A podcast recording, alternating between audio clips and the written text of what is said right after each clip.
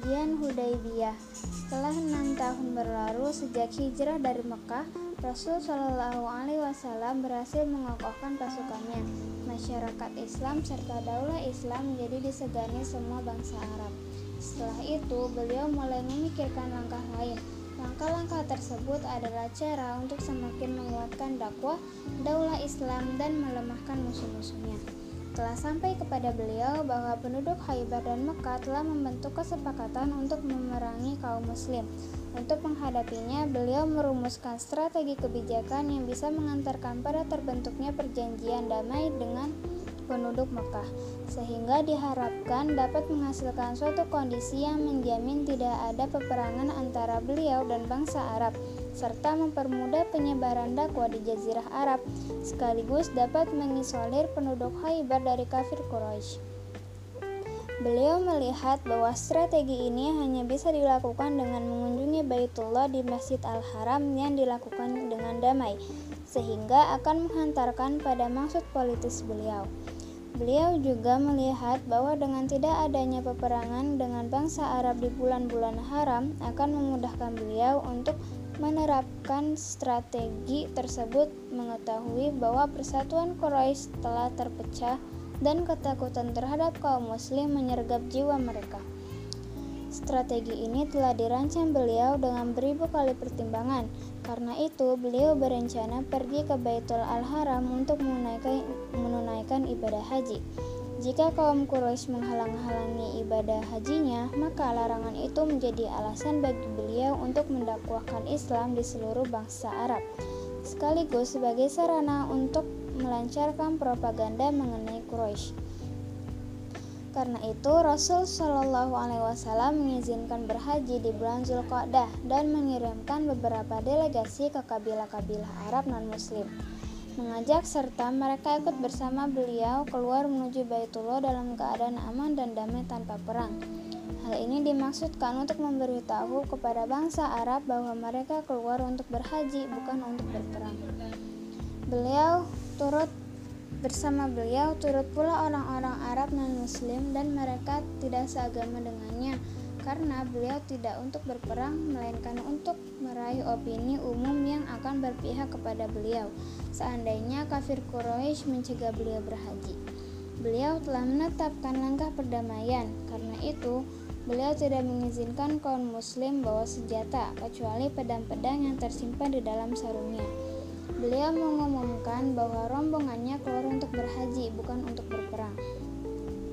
Rasul Shallallahu Alaihi Wasallam meninggalkan kota Mekah bersama dengan 1.400 orang laki-laki. Beliau berada di barisan terdepan menunggang untanya Al-Kiswah yang beriringan dengan 70 ekor unta lainnya. Beliau memakai baju ihram untuk umroh agar dapat menunjukkan kepada umat manusia bahwa beliau tidak bermaksud perang. Beliau keluar hanya untuk mengunjungi Baitul Al-Haram. Setelah melampaui Madinah dan melintasi gurun sejauh 6 atau 7 mil, rombongan haji ini sampai di Zulkhalifah dan mereka mengucapkan talbiyah untuk umroh dari sana. Kaum muslim terus bergerak ke arah Mekah. Berita mereka sampai juga kepada kaum Quraisy yang memberitahukan bahwa muslimin datang untuk haji bukan untuk berperang. Kafir Quraisy khawatir hal itu hanya siasat Muhammad Alaihi Wasallam untuk memasuki Mekah, kemudian menyerang penduduknya. Mereka memikirkan hal tersebut beribu kali dan akhirnya memutuskan untuk menghalang-halangi Muhammad Shallallahu Alaihi Wasallam masuk ke Mekah. Seberat apa pun pengorbanan yang harus mereka lakukan. Kafir Quraisy pun menyiapkan pasukan untuk menghadapi kaum muslimin dan mencegah mereka memasuki Mekah. Mereka mengangkat Khalid bin Walid dan Ikrimah bin Abu Jahal memimpin pasukan yang sangat besar yang pasukan berkudanya berjumlah 200 orang. Pasukan musyrik keluar dari Makkah dan bergerak menuju arah rombongan yang datang untuk berhaji agar, agar dapat mencegah mereka.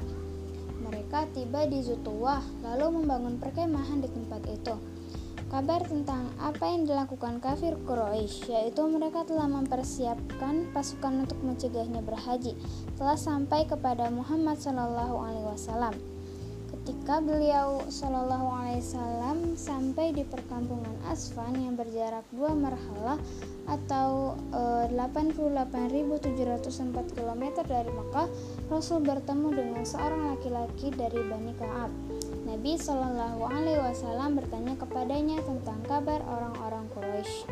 Laki-laki itu berkata, orang-orang Quraisy tersebut telah mendengar perjalananmu. Mereka keluar dengan membawa perisai dan memakai baju kulit macan tutul.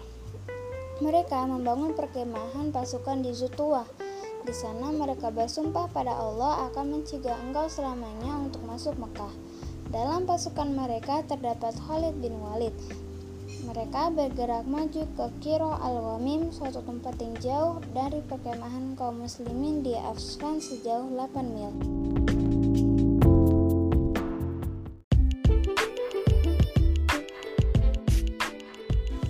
Mendengar kabar ini, Rasul Shallallahu Alaihi Wasallam berkata, "Celakalah orang-orang Quraisy. Sungguh peperangan telah memakan habis diri mereka. Apa yang akan mereka lakukan andai mereka membiarkan membiarkan antara diriku dan seluruh orang Arab?" Jika mereka memerangiku, berarti itulah yang mereka kehendaki. Jika Allah memenangkanku atas mereka, pasti mereka masuk Islam berbondong-bondong. Dan jika mereka tidak melakukannya, maka seluruh orang Arab beserta kekuatannya akan memerangi mereka. Lantas, apa yang kafir Quraisy rencanakan?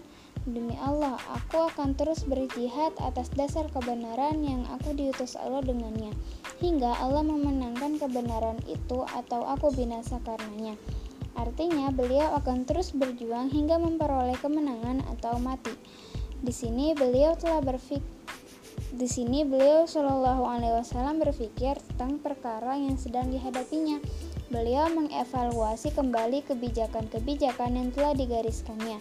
Beliau memang telah menetapkan keputusan penggunaan jalan damai dan tidak menyiapkan diri untuk berperang. Namun kenyataannya beliau melihat bahwa kafir Quraisy telah mengirim pasukan untuk memerangi dirinya, sementara beliau tidak ingin berperang. Jika demikian kenyataannya, apakah Rasulullah SAW harus kembali ke Madinah ataukah mengubah ataukah mengubah kebijakan damai dan beralih mengambil strategi perang? Beliau mengetahui bahwa kaum muslim dan dengan keimanannya mampu menghadapi perlawanan pasukan musuh dan terjun kancah pe kancah peperangan meski mereka belum menyiapkan perang sama sekali. Akan tetapi, beliau datang bukan untuk berperang dan memang tidak menetapkan untuk pergi berperang. Beliau datang untuk berhaji dan dalam keadaan damai.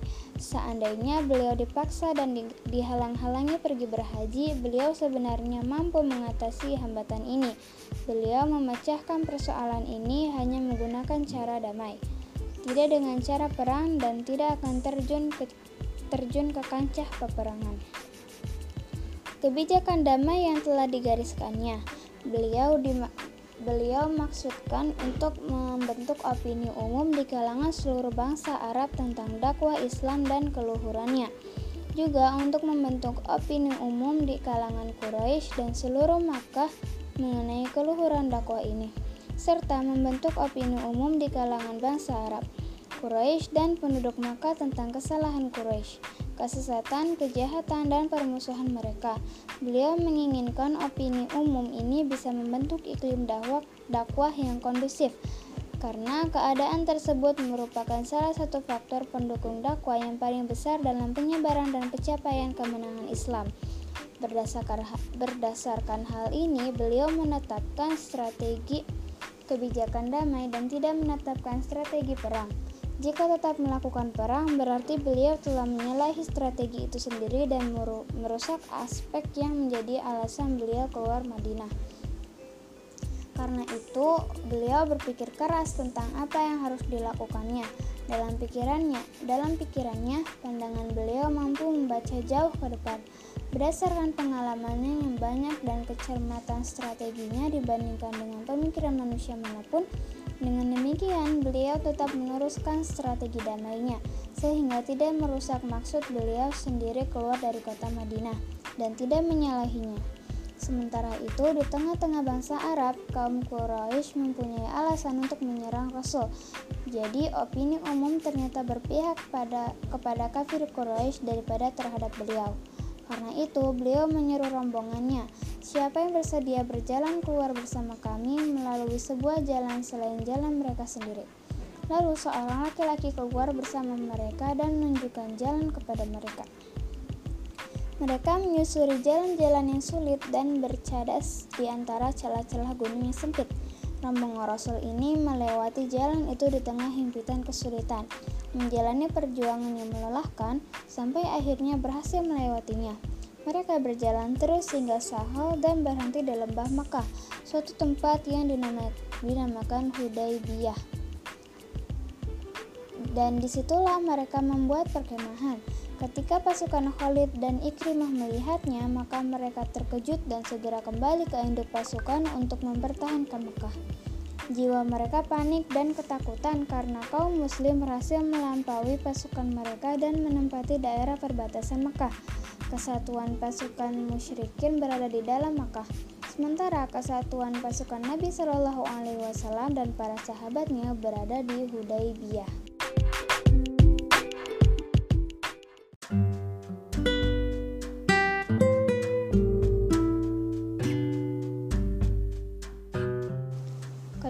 Pasukan tersebut saling berhadap-hadapan, pasukan Quraisy di dalam Makkah, sedangkan kaum muslimin di Hudaybiyah. Masing-masing berpikir tentang strategi yang akan dijalaninya dalam menghadapi musuh. Sebagian kaum muslim berpikir bahwa bahwa Quraisy tidak akan membiarkan mereka melakukan haji. Mereka telah mempersiapkan perlengkapan perang untuk menghadapi kaum muslim karena itu, tidak ada jalan lain kecuali memerangi mereka untuk mengalahkannya dan segera melakukan ibadah haji. Dengan demikian, mereka harus mampu mengakhiri riwayat kafir Quraisy dengan hukuman tuntas. Sementara itu, pihak Quraisy juga berpikir tentang mempersiapkan diri memerangi kaum muslimin dengan persiapan yang memungkinkan mampu menyerang dan menghancurkan mereka, sehingga mereka terusir dari Makkah meski hal itu harus ditebus dengan kehancuran Quraisy sendiri. Meskipun kafir Quraisy harus lebih dulu mempertimbangkan kekuatan kaum muslim beribu kali. Pada akhirnya mereka memutuskan untuk tetap tinggal di Mekah sambil menunggu apa yang akan dilakukan kaum muslim. Adapun Rasulullah Shallallahu Alaihi Wasallam sendiri telah berpegang pada strategi yang telah digariskannya sejak beliau berniat ihram untuk umroh di Madinah yaitu strategi damai. Beliau tetap berpegang pada prinsip ini hingga berhasil mencapai tujuannya. Beliau tetap bertahan di Hudaybiyah sambil menunggu apa yang akan dilakukan kaum Quraisy. Beliau tahu bahwa kafir bahwa kaum Quraisy gemetar karena takut terhadap dirinya. Mereka sepertinya akan mengirim utusan kepada beliau untuk berunding tentang kedatangannya untuk berhaji. Quraisy kemudian mengirimkan Badil bin Waroko, seorang laki-laki dalam rombongan Bani Huza'ah, sebagai utusan perundingan. Tugas yang harus dijalankannya adalah bertanya kepada Rasul Shallallahu Alaihi Wasallam mengenai tujuannya datang ke Mekah. Tidak lama setelah berunding, eh, akhirnya mereka puas karena ternyata kaum Muslim tidak datang untuk maksud perang, melainkan mereka datang untuk mengunjungi Baitullah demi mengagungkan kemuliaannya. Setelah itu, utusan tadi kembali untuk meyakinkan Quraisy dengan kabar tadi dan berusaha keras meyakinkannya. Sehingga Quraisy mencurigai mereka telah berpihak kepada Muhammad Shallallahu Alaihi Wasallam. Mereka tidak mempercayai ucapan para utusan ini. Mereka mengirimkan utusan lain di bawah kepemimpinan Mukhris bin Hafaz. Namun nasibnya juga seperti utusan pertama. Kemudian mereka mengirimkan Halis bin Alqamah, kepala suku Al-Habish, untuk berunding dengan Muhammad Shallallahu Alaihi Wasallam. Quraisy percaya kepadanya maupun kaumnya dalam memusuhi Muhammad Shallallahu Alaihi Wasallam. Quraisy bermaksud membangkitkan gelora permusuhan terhadap kaum Muslim. Jika kembali dan perundingannya tidak berhasil, tentu dendam Halis bertambah besar dan semangat untuk mempertahankan Mekah semakin meningkat. Nabi Shallallahu Alaihi Wasallam mengetahui keberangkatannya. Lalu beliau memerintahkan agar hewan-hewan sembelihan untuk umroh dilepaskan di hadapan beliau agar hewan-hewan itu dalam pandangan Halis menjadi menjadi bukti yang bisa dilihat langsung bahwa niat kaum muslim untuk haji bukan perang.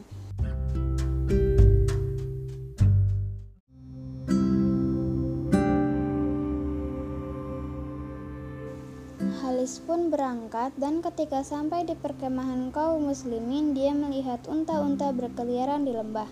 Dia juga menyaksikan gerak-gerik kaum muslim beserta hewan-hewan sembelihan untuk had yang benar-benar menunjukkan sebagai rombongan umroh bukan sebagai pasukan perang. Tampak di kemah-kemah mereka suasana ibadah. Pemandangan ini membawa pengaruh yang amat meyakinkan Halis bahwa mereka sungguh-sungguh bertujuan untuk ibadah, bukan perang. Tidak lama dia tinggal di daerah pengintaiannya dan telah puas melihat kenyataan kondisi kaum muslimin itu, maka Halis pun kembali ke Mekah. Padahal dia belum bertemu Rasul Shallallahu Alaihi Wasallam. Dia mengabarkan kepada Quraisy dan meminta mereka supaya membiarkan kaum muslimin melaksanakan haji. Halis sangat marah pada sikap Quraisy yang keras kepala dan mengancam mereka jika tidak memberi kemudahan pada Muhammad yang hendak mengunjungi Ka'bah. Maka Halis dan orang-orang Ahab Ahabishi akan meninggalkan Quraisy dari Makkah. Akan tetapi Quraisy buru-buru memohon Halis bersabar sejenak dan meminta Halis supaya memberitahu agar mereka bisa memikirkan persoalan tersebut dengan matang. Halis pun tidak memperdulikan mereka. Sementara itu, Quraisy mengirimkan lagi utusan yaitu Urwah bin Mas'ud As-Saqafi. Tentu setelah mereka berhasil meyakinkannya bahwa mereka merasa mantap dan percaya dengan pikirannya, Urwah berhasil ber Urwah berangkat menemui Rasul Shallallahu Alaihi Wasallam dan mengajak berunding agar Rasul kembali saja agar Rasul kembali saja dari Makkah. Dalam perundingannya, Urwah menggunakan bahasa uslub, akan tetapi dia tidak berhasil dan kembali dengan perasaan puas dengan cara pandang Rasul Shallallahu Alaihi Wasallam. Dia berkata kepada Quraisy, "Hai orang-orang Quraisy, sesungguhnya aku pernah mendatangi Kisra di kerajaannya dan Kaisar di imperiumnya. Demikian juga Najasi di kerajaannya. Demi Allah, aku sama sekali belum pernah melihat sebuah kerajaan pun dalam satu kaum seperti Muhammad di tengah-tengah para sahabatnya."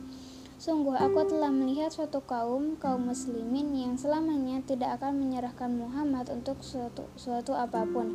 Karena itu pikirkanlah kembali pendapat kalian. Kebencian dan dendam kafir Quraisy semakin menjadi-jadi. Lobby terus berlangsung dan memakan waktu lama tanpa mencapai kata sepakat. Melihat hal ini, Rasul Shallallahu Alaihi Wasallam berpikir hendak mengirimkan utusan untuk berunding. Barangkali utusan-utusan Quraisy takut terhadap umatnya dan mungkin saja utusan Rasul itu akan mendap akan dapat meyakinkan mereka. Lalu Rasul mengutus Harash bin Umayyah al-Huzai menemui mereka, akan tetapi mereka melukai utusan ini dan hendak membunuhnya. Seandainya tidak ada pembelaan dari suku al-Habishi, kemarahan Quraisy semakin membara. Di tengah di tengah malam mereka mengirim beberapa orang beberapa orang bodoh untuk melempari kemah-kemah kaum muslim dengan batu. Kaum muslim marah. Bahkan mereka sempat berpikir untuk memerangi kafir Quraisy. Dan tetapi Rasul Shallallahu Alaihi Wasallam berhasil meredakan kemarahan mereka dan menenangkannya. Tersiar kabar bahwa 50 orang dari Quraisy telah keluar untuk mendatangi perkemahan kaum muslim dengan tujuan menyerang dan menghancurkan mereka tanpa menyisakan seorang pun dari para sahabat Nabi. Namun rencana aksi tersebut diketahui oleh kaum muslim. Lalu mereka ditangkap dan dihadirkan kepada ke, ke hadapan Rasulullah. Beliau memaafkan mereka dan melepaskannya. Tindakan tersebut punya pengaruh besar di Mekah dan menjadi bukti kuat yang menunjukkan kebenaran Muhammad SAW tentang ucapannya dan menyatakan beliau datang untuk haji bukan perang. Dengan demikian, opini umum di Mekah berpihak kepada Rasul Shallallahu Alaihi Wasallam, sehingga seandainya beliau pada waktu itu masuk Mekah dan Quraisy berusaha mencegahnya, tentu akibatnya harus mereka hadapi, dan penduduk Mekah serta bangsa Arab akan memusuhi mereka. Karena itu, kafir Quraisy berusaha meredam kemarahan mereka sendiri dan mencoba memikirkan lagi persoalan ini. Sedikit demi sedikit keadaan di Makkah mulai menampakkan tanda-tanda ke arah damai. Rasul Shallallahu Alaihi Wasallam pun mengirimkan utusan yang akan berunding dengan kafir Quraisy. Beliau meminta Umar bin Khattab berangkat ke Mekah, namun dia memberi alasan kepada Rasul Wahai Rasul, aku khawatir kafir Quraisy akan membunuhku, sementara di Mekah tidak tidak satupun Bani Adi bin Ka'ab yang akan melindungiku. Permusuhan dan kekerasanku terhadap mereka sangat sengit, akan tetapi aku mengusulkan kepadamu seseorang yang lebih mampu daripada aku, yaitu Utsman bin Affan. Nabi Shallallahu Alaihi Wasallam memanggil Utsman dan mengutusnya menemui Abu Sufyan. Maka Utsman berangkat menemui kaum Quraisy dan menyampaikan kepada mereka misi surat Nabi Shallallahu Alaihi Wasallam. Mereka berkata, jika engkau hendak tawaf di Baitullah, maka tawaflah. Utsman menjawab, aku tidak akan melakukannya hingga Rasul Shallallahu Alaihi Wasallam juga tawaf.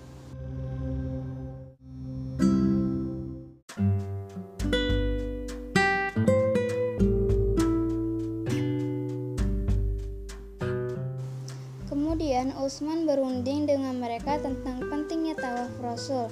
Namun Quraisy menolak usulan itu. Perundingan di antara mereka menjadi berkepanjangan dan terus berlangsung. Perundingan beralih dari persoalan penolakan Quraisy mengarah pada mus mengarah pada kesepakatan baru yang akan mengakomodir kepentingan Quraisy dan kepentingan kaum muslim. Mereka membahasnya dengan Utsman telah memungkinkan membentuk hubungan antara mereka dengan Muhammad Shallallahu Alaihi Wasallam. Mereka juga bersikap baik terhadap Utsman untuk menemukan jalan yang tepat dan menemukan jalan yang dapat membebaskan mereka dari situasi sulit dan dari permusuhan mereka dengan Muhammad Shallallahu Alaihi Wasallam yang berkepanjangan. Kepergian Utsman terlalu lama di Mekah, sementara tanda-tanda keberadaannya di Mekah juga tidak tampak. Sampai akhirnya tersebar isu di kalangan kaum muslim bahwa Quraisy telah memperdaya Utsman dan membunuhnya. Kegelisahan kaum muslim memuncak dan sempat mencemaskan Nabi Shallallahu alaihi wasallam bahwa Quraisy telah membunuh Utsman.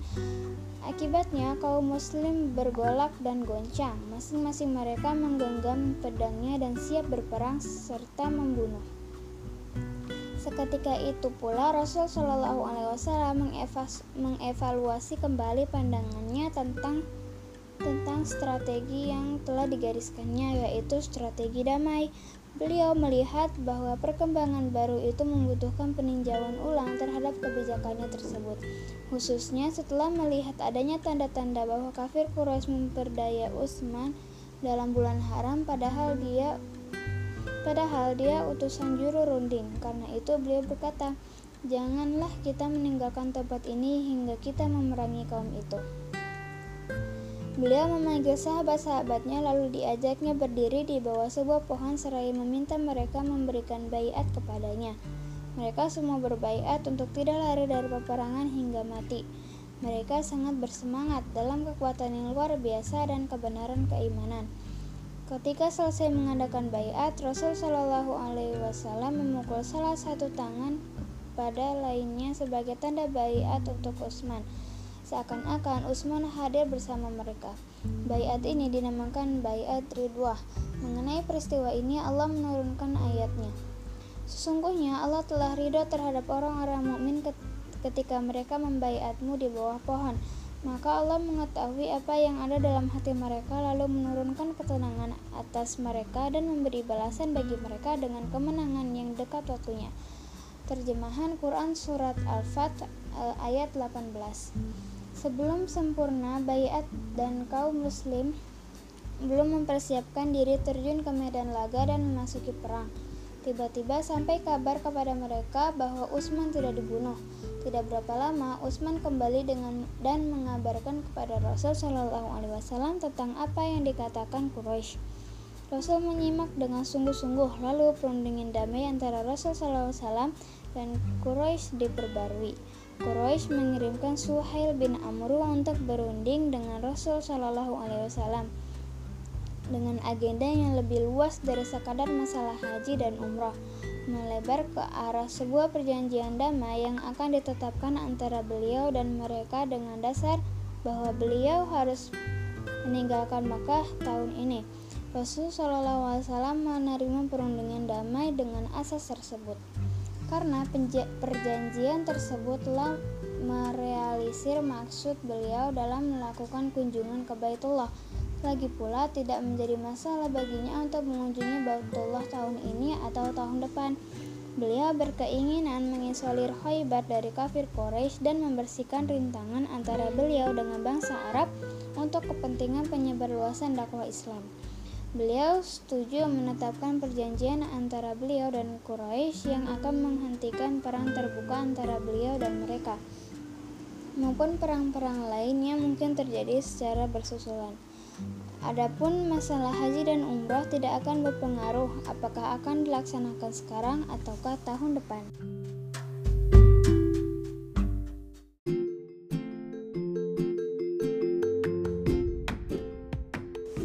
Rasul memasuki proses perundingan dengan juru runding Suhel, bil, Suhel bin Amrud dan terjadilah diskusi panjang lebar antara kedua pihak berkenaan dengan perjanjian damai tersebut beserta syarat-syaratnya.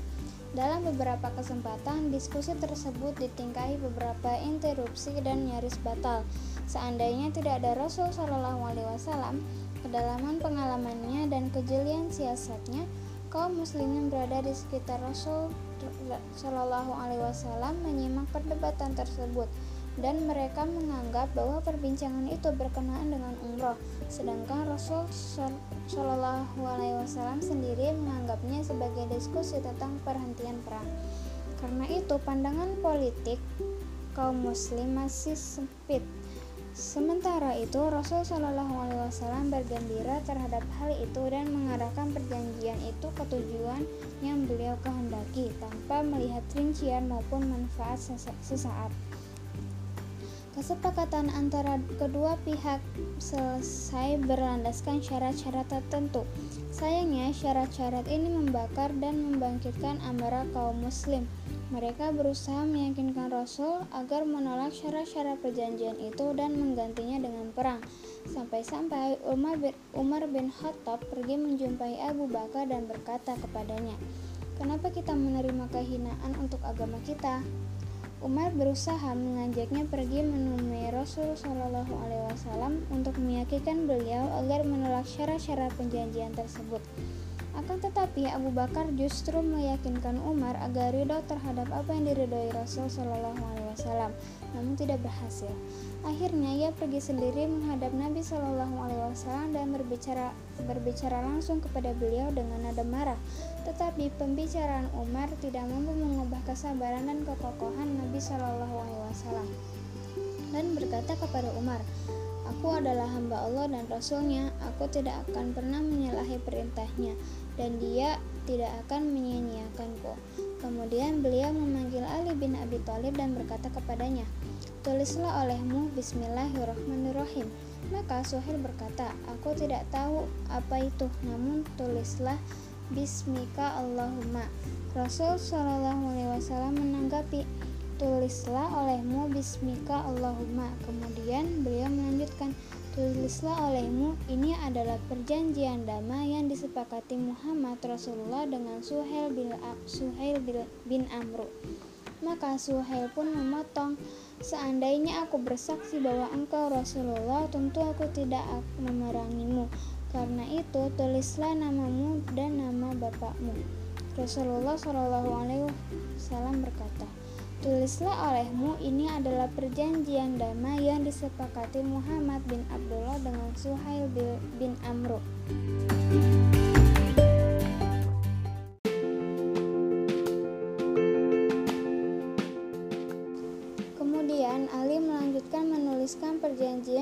Antara kedua pihak yang isinya sebagai berikut. Pertama, perjanjian ini adalah perjanjian gencatan senjata yang mengikat kedua belah pihak. Di antara kedua belah pihak tidak ada peperangan atau saling membunuh. Kedua, bahwa siapa saja dari dari Quraisy yang telah masuk Islam dan datang kepada Muhammad tanpa izin walinya, maka Muhammad harus mengembalikannya kepada mereka. Siapa saja yang murtad dari kaum muslim dan mendatangi Quraisy, maka mereka tidak akan mengembalikan kepada Muhammad.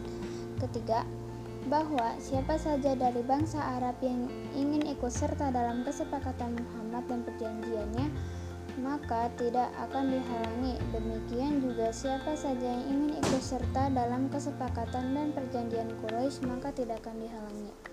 4. Tahun ini Muhammad dan para sahabatnya harus kembali ke Mekah. Mereka boleh kembali ke Mekah pada tahun berikutnya. Mereka hanya boleh masuk dan tinggal di dalamnya selama tiga hari. Mereka hanya boleh membawa pedang yang tersimpan di dalam sarungnya dan tidak boleh membawa senjata lainnya.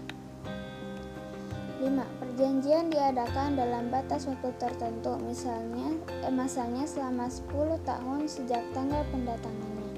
Penanda tanganannya. Rasul Shallallahu Alaihi Wasallam dan Suhail mendatangi perjanji, menandatangani perjanjian di tengah gelora dan kemarahan pasukan kaum muslimin. Suhail berdiri dan langsung kembali ke Mekah, sementara Rasulullah Shallallahu Alaihi Wasallam masih berada di tempatnya dalam suasana kebingungan, kemarahan, dan ketidaksukaan kaum muslimin yang muncul dari semangat sikap keras dan harapan besar untuk berperang. Beliau menemui istrinya yaitu Ummu Salamah yang menyertainya dan mengabarkan kepadanya tentang kelakuan kaum muslimin. Dia berkata kepada beliau, "Wahai Rasulullah, kaum muslimin tidak akan menentangmu. Sesungguhnya mereka sangat bersemangat untuk berperang karena agama dan iman mereka kepada Allah dan risalahmu. Karena itu, bersyukur dan bertaha, niscaya engkau akan menemukan kaum muslimin mengikutimu. Kemudian kita kembali ke Madinah bersama mereka. Rasul Shallallahu Alaihi Wasallam menemui kaum muslimin Beliau kemudian mencukur rambut sebagai penutup umroh. Jiwa penuh jiwanya penuh dengan ketenangan dan ridho. Ketika ketika kaum muslimin melihat Rasul tetap tenang, mereka segera melalui hari nahar dan ikut mencukur dan memendekkan rambut. Nabi Shallallahu Alaihi Wasallam dan kaum muslimin kemudian kembali ke Madinah. Di tengah perjalanan pulang turun surat Al-Fat kepada Rasulullah Shallallahu Alaihi Wasallam. Beliau membacakannya kepada para mereka dari awal hingga akhir. Mereka semua mereka semua akhirnya yakin bahwa perjanjian ini adalah kemenangan yang amat nyata bagi kaum muslimin.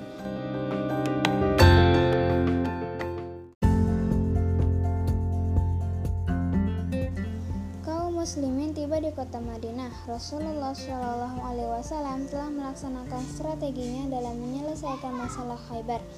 Penye penyebaran dakwah di luar jazirah menstabilkan kondisi dalam negeri dalam negeri jazirah dan mengisi kekosongan waktu akibat adanya perjanjian damai dengan Quraisy untuk menyelesaikan permasalahan yang masih ada pada sebagian suku Arab serta menjalin hubungan luar negeri. Dengan demikian, sempurnalah tujuan-tujuan itu berkat dilakukannya perjanjian ini. Beliau Shallallahu Alaihi Wasallam berhasil melaksanakan strategi yang telah beliau susun saat akan berhaji dengan cermat. Meskipun dihadang oleh berbagai kesulitan dan kekerasan, beliau akhirnya mencapai tujuan politik yang telah ditetapkannya sehingga perjanjian Hudaybiyah merupakan kemenangan yang nyata dan di antara hasil-hasilnya antara lain sebagai berikut. Pertama, mengantarkan Rasul Shallallahu Alaihi Wasallam kepada opini umum yang mendukung dakwah Islam di seluruh bangsa Arab pada umum pada umumnya di Makkah dan dengan Quraisy pada khususnya. Hal itu menyebabkan semakin kuatnya kewibawaan kaum muslim serta melemahkan kewibawaan Quraisy. Dua, menyingkap kepercayaan kaum muslim kepada Rasul Shallallahu alaihi wasallam, menunjukkan kekuatan iman kaum muslimin dan kekokohan mereka dalam menghadapi mara bahaya sekaligus bahwa mereka tidak takut mati. Ketiga, mengajarkan kepada kaum muslimin bahwa manuver politik merupakan sarana dakwah Islam. Yang keempat, menjadikan kaum muslimin yang masih tinggal di Mekah di tengah-tengah kaum musyrikin untuk membentuk kantong-kantong dakwah di dalam jantung marak musuh. Yang kelima, menjelaskan bahwa tarikoh dalam politik harus berasal dari fikroh itu sendiri dan disertai kejujuran serta memenuhi janji. Sedangkan sarana politik harus mencerminkan kecerdikan, yaitu menyembunyikan sarana-sarana dan tujuan-tujuan politis yang sebenarnya dari pandangan musuh.